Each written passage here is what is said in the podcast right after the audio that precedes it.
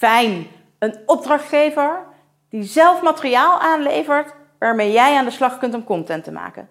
Super tof.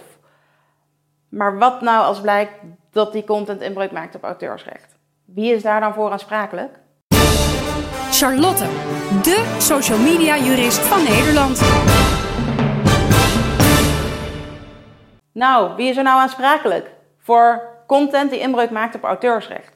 Ben jij dat als maker, als opdrachtnemer die alles krijgt van zijn opdrachtgever, die vervolgens iets maakt, teruggeeft aan de opdrachtgever en het blijkt dan fout te zijn? Of is het de opdrachtgever zelf die content bij jou aanlevert of zegt: Oh, hier linkjes, dit heb ik gevonden, gebruik dit maar. De waarheid ligt zoals vaker wel een beetje in het midden. Kijk, jij als opdrachtnemer hebt ook iets gemaakt. En daarmee, door dat verveelvoudigen, door het gebruiken van dat werk, heb je eigenlijk ook inbreuk gemaakt op het auteursrecht. Nou ja, jij wil er alleen natuurlijk helemaal niet aansprakelijk voor zijn. Jij wil niet die schadevergoeding moeten betalen. Maar jouw opdrachtgever drong erop aan dat jij per se deze materialen zou gebruiken. Want die waren zo prachtig, zo mooi en trouwens, die heeft die gratis van het internet geplukt. Ja, maar gelukkig had jij hele mooie algemene voorwaarden. Daar heb je namelijk in laten zetten, of dat heb je er zelf ingeschreven, dat alles wat jouw opdrachtgever aanlevert, dat die ervoor, dat jouw opdrachtgever ervoor moet zorgen dat ze daar de juiste licentie voor hebben, of dat ze de auteursrechthebbende zijn van dat werk. Niks aan het handje. En blijkt dat nou toch niet zo te zijn, dan staat er in jouw algemene voorwaarden natuurlijk ook dat de opdrachtgever jou vrijwaart voor alle aanspraken met betrekking tot dat werk. Oh ja, en trouwens, dat wat jij gemaakt hebt voor je opdrachtgever, mag je natuurlijk gewoon gebruiken in je portfolio. Dus openbaar maken ga je ook nog eens doen.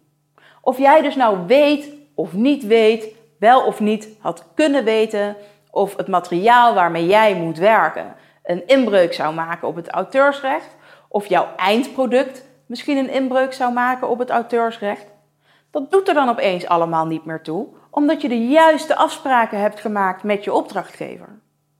Je moet er alleen wel op letten dat je die afspraken daadwerkelijk maakt.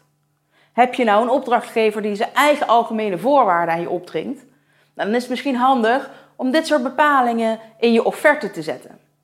Je offerte is namelijk een specialer, een specifieker document dan die algemene voorwaarden. En als ze je offerte accepteren, ja, dat gaat altijd boven de voorwaarden van je opdrachtgever. Slim trucje toch, of niet? Nou, wil je nou echt voorkomen dat er wat mis kan gaan, dan moet je natuurlijk eigenlijk wel altijd zeker weten dat wat jij maakt of wat je aangeleverd krijgt, dat dat geen inbreuk maakt op het auteursrecht. Het lastige is alleen, dat kun je dus niet altijd controleren of dat kun je niet altijd goed weten.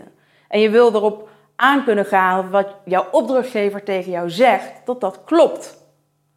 Dus vandaar dat het belangrijk is om er vooral goede afspraken over te maken, zodat jij in elk geval als opdrachtnemer niet aansprakelijk bent en jouw opdrachtgever altijd de schade moet betalen die een andere maker eventueel heeft geleden door het gebruik van dat werk waar dus geen licentie voor bestond of waarvan jouw opdrachtgever niet het auteursrecht had.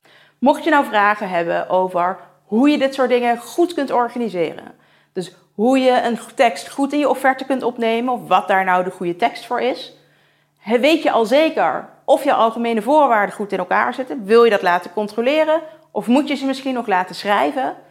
Neem dan vooral contact met ons op. Mail, bel, laat voor mij wat een comment achter onder deze video, zodat wij contact met jou op kunnen nemen en dan gaan we je hierbij helpen.